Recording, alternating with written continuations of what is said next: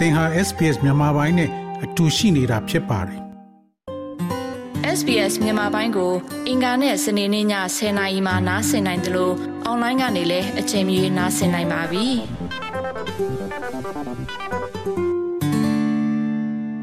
နိုင်ငံရဲ့လူကခွန်အားတွေပုံမှုပွင့်လန်းလာစေဖို့အတွက်ဆက်လက်ဆောင်ရွက်သွားပါမယ် စစ်ကောင်းဆောင်ကအာနာသိမ့်ပြီးနောက်သူ့ရဲ့ပထမဆုံးမိန့်ခွန်းမှာကဏ္ဍပေါင်းစုံအတွက်လှုပ်ဆောင်သွားမယ်လို့ပြောပေမဲ့အခုတစ်နှစ်ခွဲကြာလာချိန်မှာတော့ကဏ္ဍတိုင်းမှာနှိမ့်ကျလာတာကိုတွေ့မြင်နေရပါတယ်။နိုင်ငံရဲ့အရေးပါတဲ့စီးပွားရေး၊ကျန်းမာရေး၊အုပ်ချုပ်ရေး၊တရားဥပဒေစိုးမိုးရေး၊လူမှုရေးကစားလို့ပညာရေးအထိဆုပ်ယုပ်ပြီးနလန်မထူနိုင်တဲ့အခြေအနေတွေအထိရောက်နေတယ်လို့နေပယ်အသီးသီးကကျွမ်းကျင်သူတွေကမှတ်ချက်ပြုထားကြတာပါ။ အဲ့ဒီထဲမှာတိုင်းပြည်ရဲ့အနာဂတ်တွေအရေးကြီးဆုံးတစ်ခုလို့ဆိုနိုင်တဲ့ပညာရေးကဏ္ဍမှာဆိုရင်ကမ္ဘာကပ်ရောဂါ COVID-19 ကြောင့်ရပ်တန့်ခဲ့ရကအခုအာဏာသိမ်းမှုကြောင့်မှဆိုရင်နှစ်နှစ်ကျော်တိုင်းနောက်ပြန်ဆုတ်လာတဲ့အနေအထားကိုရောက်နေတာပါဘလို့လို့ယုံနိုင်ပါလဲလို့15မိနစ်မိနစ်20အတွင်းမှာသိတယ်ဆိုတာ ခဏစိတ်အုပ်ချုပ်မှုအောက်မှာကလေးငယ်တွေဟာပညာသင်ခွင့်ဆုံးရှုံးသွားတာနဲ့မကပဲအသက်ပါဆုံးရှုံးခဲ့ရလို့ငိုကြွေးနေရတဲ့မိခင်တွေလည်းရှိနေပါတယ်စစ်တပ်ရဲ့ဖမ်းဆီးနှိပ်စက်တာခံရတဲ့ကလေးငယ်ရချီရှိပြီးရှစ်သိန်းကျော်ဟာပညာသင်ဖို့အခွင့်အရေးဆုံးရှုံးခဲ့တယ်လို့ကုလသမဂ္ဂရဲ့ကလေးငယ်အခွင့်အရေးဆိုင်ရာကော်မတီကထုတ်ပြန်ထားပါတယ် အာနာသိန်းကာလအတွင်းကျောင်းတွေပြန်ဖွင့်ဖို့ကိုစစ်ကောင်စီကကြိုးပမ်းခဲ့ပေမဲ့တစ်ဖက်မှာလည်းစစ်အာဏာရှင်စနစ်ကိုစန့်ကျင်တဲ့အနေနဲ့အကြမ်းမဖက်အာဏာဖီဆန်ရေးလှုပ်ရှားမှုမှာပါဝင်တဲ့ဆရာဆရာမတွေကိုအဆက်မပြတ်ဖမ်းဆီးထောင်ချတာတွေလှုပ်ဆောင်ခဲ့ပါတယ်။ အဲ့ဒီလိုဆရာဆင်မတွေကိုဖန်ဆီးတာတွေမကပဲပုဂ္ဂလိကအကြောင်းနဲ့ဈာကာလပညာရေးအစီအမံ Federal ကျောင်းအွန်လိုင်းပညာရေးနဲ့သင်ယူနေတဲ့ကျောင်းသားတွေကိုပါချင်းချောက်ဖန်ဆီးတာတွေလုပ်ပြီးစစ်ကောင်စီကပညာရေးကဏ္ဍကိုထိန်းချုပ်ဖို့ကြိုးစားနေတာပါစစ်ကောင်စီရဲ့ဒီလိုထိန်းချုပ်မှုတွေကြောင့်ပညာရေးကဏ္ဍဟာပုံမကျဆင်းလာနေတယ်လို့ပညာရေးကျွမ်းကျင်သူဒေါက်တာပိုင်ဦးကပြောပါတယ်။အဲတော့မော်ကြီးပညာရေးကိုပြောလို့ရှိရင်နှစ်ပေါင်းများစွာအတွင်းမှာဒါ ဆိုးဝါးဆုံးအကျပ်အတည်းထဲကိုကျရောက်နေတယ်လို့ကျနော်ပြောလို့ရတယ်။အဲဒီတော့ဖြစ်ချင်တိုင်းဖြစ်နေတဲ့အတွက်ဒီစီးပွားရေးလည်းကျဆုံးတယ်၊နိုင်ငံရေးလည်းမအောင်မြင်ဘူး၊စစ်ရေးလည်းဖရိုဖရဲပျက်စီးနေပြီဆိုတဲ့အချိန်မှာပညာရေးလိုဟာမျိုးကအောင်မြင်မလား၊ဆက်ပြီးတော့ပြန်ထိန်းနိုင်မလားဆိုတဲ့မေးခွန်းကမမေးဘဲနဲ့ကိုထင်ရှားပါတယ်။မဖြစ်နိုင်ပါဘူး။ထိန်းချုပ်ထားတဲ့ပညာရေးဟာလုံးဝကျဆုံးနေတဲ့ပညာရေး၊အနှစ်သာရမရှိတဲ့ပညာရေးနဲ့လုံးဝဖရိုဖရဲပြောင်းတက်နေတာနလန်မထူနိုင်တဲ့ပညာရေးဖြစ်နေတာသေချာနေပြီ အခုလိုပညာရေးကဏ္ဍမှာနှိမ်ချမှုတွေနောက်ကပြည်သူတွေအတွက်အရေးကြီးတဲ့ကျန်းမာရေးကဏ္ဍဟာလည်းအနာသိမ့်ပြီးနောက်မှာယိုယွင်းပျက်စီးလာပါတယ်။စေဝါပစ္စည်းပြက်လက်မှုတွေအကန့်အသတ်နဲ့ဆေးဝယ်ယူရတာတွေကျွမ်းကျင်ဆရာဝန်တွေက CDM လုပ်တာကြောင့်ကျန်းမာရေးနဲ့ပတ်သက်ပြီးလုံခြုံစိတ်ချမှုမရှိတော့တာကိုပြည်သူတွေခံစားနေရပါတယ်။အတိအတာဆုံးကတော့ပြီးခဲ့တဲ့နှစ် COVID-19 တတိယလှိုင်းအတွင်းမြန်မာပြည်သူတွေအသက်သေဆုံးမှုများခဲ့တာပါ။ ဒါဟာစစ်ကောင်စီကကျန်းမာရေးကဏ္ဍကိုမကင်တွယ်နိုင်တာကို ပြသခဲ့တဲ့တသေးတစ်ခုလည်းဖြစ်ပါတယ်။2021ဖေဖော်ဝါရီတရက်အာဏာသိမ်းမှုကို CDM လှုပ်ရှားမှုနဲ့စန့်ကျင်နေတဲ့မှာစီးလော့ကကဝန်ထမ်းတွေလည်းအများဆုံးပါဝင်ခဲ့တဲ့နောက်ကျွမ်းကျင်ဆရာဝန်မလုံလောက်မှုဟာကိုဗစ်တတိယလိုင်းမှာပထမဆုံးအထိနာခဲ့တဲ့အချက်တစ်ချက်ပါ။ ငြိမ်းချမ်းစွာဆန္ဒထုတ်ဖော်ခဲ့တဲ့စစ်ဝန်ထမ်းတွေကိုစစ်ကောင်စီကပြင်းပြင်းထန်ထန်ဖြုတ်ခွဲခဲ့တာကြောင့်ဆရာဝန်သူနာပြုအပါအဝင်ဆေးဘက်ကျွမ်းကျင်သူ68ဦးနဲ့ဆေးကျောင်းသား222ဦးအဖမ်းခံခဲ့ရပါတယ်။ကြအပြင်သူနာပြုနဲ့ကျန်းမာရေးဝန်ထမ်း600ကျော်ဝရမ်းထုတ်ခံထားရတဲ့အတွက်ရှောင်တိန်နေရတယ်လို့ AAPP မှတ်တမ်းတွေအရသိရပါတယ်။ ပြီးခဲ့တဲ့နှစ်ဒီဇင်ဘာလတုန်းကတော့အာနာသိန်းစစ်ကောင်ဆောင်ဗိုလ်ချုပ်မူကြီးမင်းအောင်လှိုင်ကအင်္ဂလိပ်စာ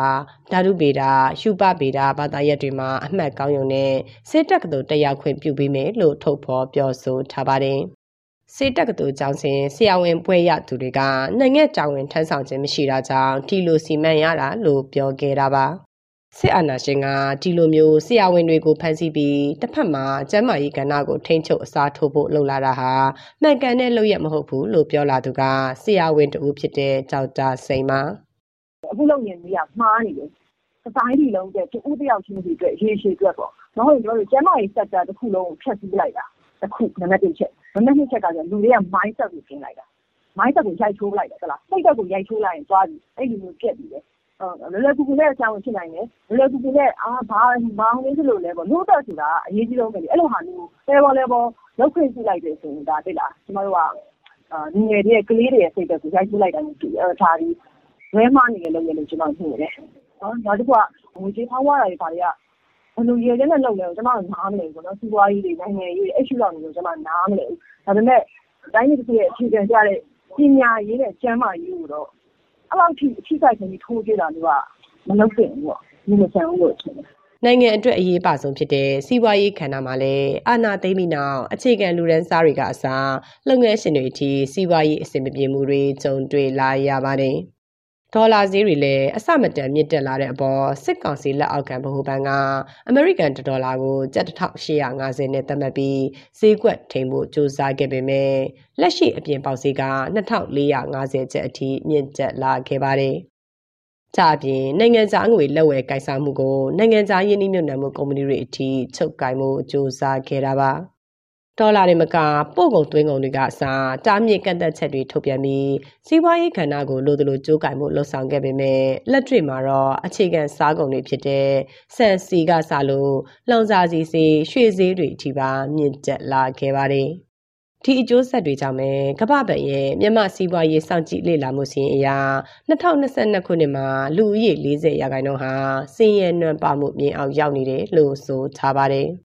လူတဦးချင်းရဲ့တစ်နှစ်ဝင်ငွေဟာလည်းအိန္ဒိချင်းထိုင်းနိုင်ငံနဲ့ရှင်ရင်အောင်ငါးဆခွဲနီးပါးလောက်လျော့နေပါတယ်။ဒီလိုစီးပွားရေးကျဆင်းလာတာကိုမထိတ်ချုံနိုင်ရင်အနာဂတ်မှာဖြစ်လာနိုင်တဲ့အခြေအနေနဲ့ပတ်သက်ပြီးစီးပွားရေးပညာရှင်တို့ကတော့အခုလိုသုံးသပ်ပြောဆိုပါတယ်။စီးပွားရေးလုပ်ငန်းတွေအနေနဲ့ရောပြည်သူတွေအနေနဲ့ကတော့အခုအချိန်မှာတော့တော်တော်အခြေအနေမကောင်းဘူးကွယ်စီးပွားရေးလုပ်ငန်းတွေလည်းနှေးတဲ့လုပ်ငန်းတွေနှေးပေါ့နော်အာရက်တဲ့လုပ်ငန်းတွေရက်ပေါ့ အဲ့ခါကျတော့ အခြေအနေ တော်တော်မကောင်းပေါ့ ပထမဆုံးတစ်ခုကတော့ inflation ပေါ့ ပြီးခဲ့တဲ့မနှစ်က ငွေကြေးဖောင်းပွားမှုနှုန်းပေါ့နော် အဲ့တော့18ရာခိုင်နှုန်းရှိတယ် CPI လို့ခေါ်တာပေါ့ consumer price index ပေါ့နော် ကုန်ဈေးနှုန်းဒီ inflation ပေါ့ အဲ့ဒီငွေကြေးဖောက်ပွားမှုနှုန်းကြောင့်ဒီဈေးနှုန်းတွေတက်တဲ့ဟာ18ရာခိုင်နှုန်းရှိတယ် မနှစ်ကပေါ့နော် ဒါ2021 2022မှာက နောက်တစ်ထပ်ပြီးတော့ ထပ်တက်အောင်မှာ ရှိနေတယ်18ရာခိုင်နှုန်းကကျွန်တော်ကားလိမ့်မယ် အခု အဲ့ဒါကျတော့ ကုန်ဈေးနှုန်းတက်တဲ့ခါကျ ပြည်သူတွေလည်း အတော့ကို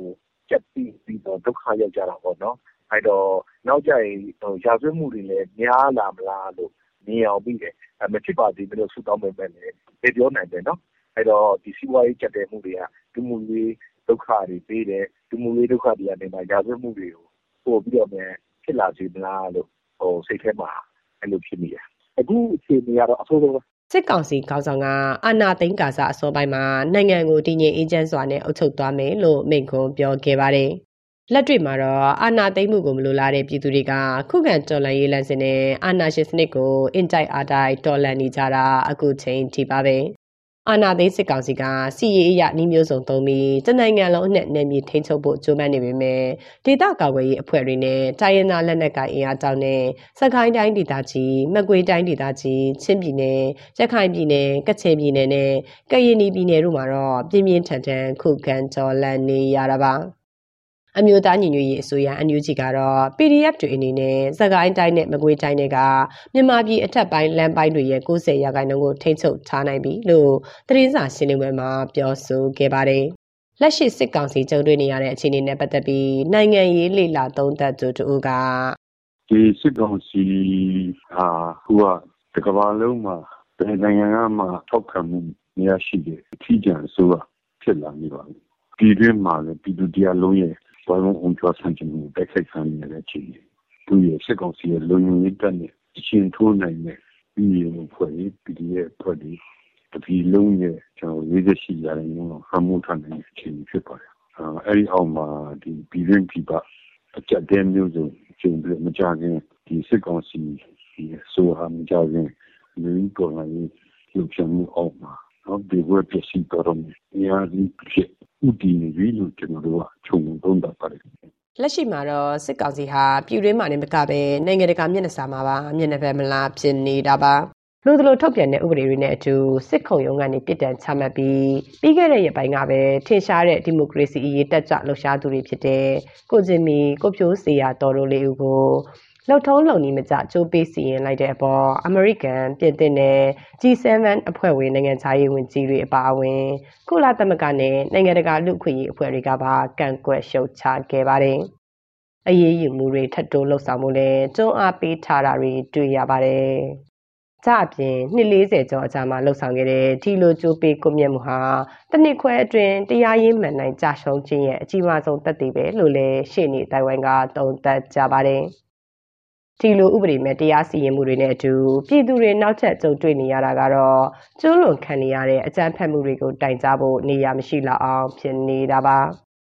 ဒါဟာနိုင်ငံရဲ့တရားဥပဒေစိုးမိုးရေးဟာအန္တရာယ်ရှိနေတဲ့အနေအထားကိုရောက်ရှိနေတာပါ ဒီလိုအနေအထားတွေကြားမှာပဲနေ့စဉ်စာဝတ်နေရေးအကျက်အတဲကိုအန်တုကျော်လာဖို့ကြိုးစားရင်တကူရေလုံခြုံရေးအတွက်ပါစိုးရိမ်နေရတာကြောင့်စိတ်ပိုင်းဆိုင်ရာထိခိုက်မှုတွေကိုပြည်သူတွေရင်ဆိုင်လာကြရတာပါစာဝတ်နေရေးနဲ့ကြည့်မယ်ဆိုလို့ရှိရင်လည်းစာဝတ်နေရေးတွေလည်းတော်တော်ကြက်တဲလာတယ်။ဘာကြောင့်လဲဆိုလို့ရှိရင်ကိုပစ္စည်းအဆမတန်ဈေးတက်လာတဲ့ခါမှာလူတွေရဲ့ညီးညွတ်တယ်ပဲကြားရကွာသူတို့အုပ်ချုပ်နေချိန်တွင်းမှာတော့တိုးတက်တာတော့ဘာမှမရှိဘူးအကုန်လုံးတဖြည်းဖြည်းနဲ့စုပ်စုပ်စုပ်စုပ်စုပ်ရော့ပြီးတော့ခေတ်ကိုနောက်ပြန်ဆွဲနေသလိုဖြစ်နေတယ်အ ခုဆိုရင်ဘသူ့မှမယုံကြည်ရသလိုအကုန်လုံးကိုတန်တရားမျက်လုံးတွေနဲ့ကြည်နေရတယ်ဟိုအဆင်မပြေရတဲ့များလာတော့တဖြည်းဖြည်းနဲ့ပေါ့နော်လူတွေကပေါ့နော်စိတ်တက်တွေကြလာတယ် အစင်းရဲဆုံးနိုင်ငံတွေမှာပါသွားပြီကြားတော့လေစိတ်မကောင်းဘူးเนาะအခုအုပ်ချုပ်နေတာလုံးဝလက်တင်မခံနိုင်ဘူးပေါ့အာမပေးဘူးရသမျှနဲ့တော်လန်လို့ရတယ်တော်လန်မယ် ဒီသတင်းဆောင်မကိုတန်လွင်ခက်ကပေးပို့ကြတာဖြစ်ပါတယ် SBS Radio App ကို download လုပ်ပြီးနားဆင်မှတ်ချက်ပြုနိုင်ပါတယ်။ဒါရိုက်သို့မဟုတ်အချိန်မီနားဆင်နိုင်ပါပြီ။စစ်တမ်းမှာပါဝင်နိုင်သလိုဆက်သွယ်မှုလည်းပြုလုပ်နိုင်ပါတယ်။ Google Play ဒါမှမဟုတ် App Store မှာအခမဲ့ရယူနိုင်ပါပြီ။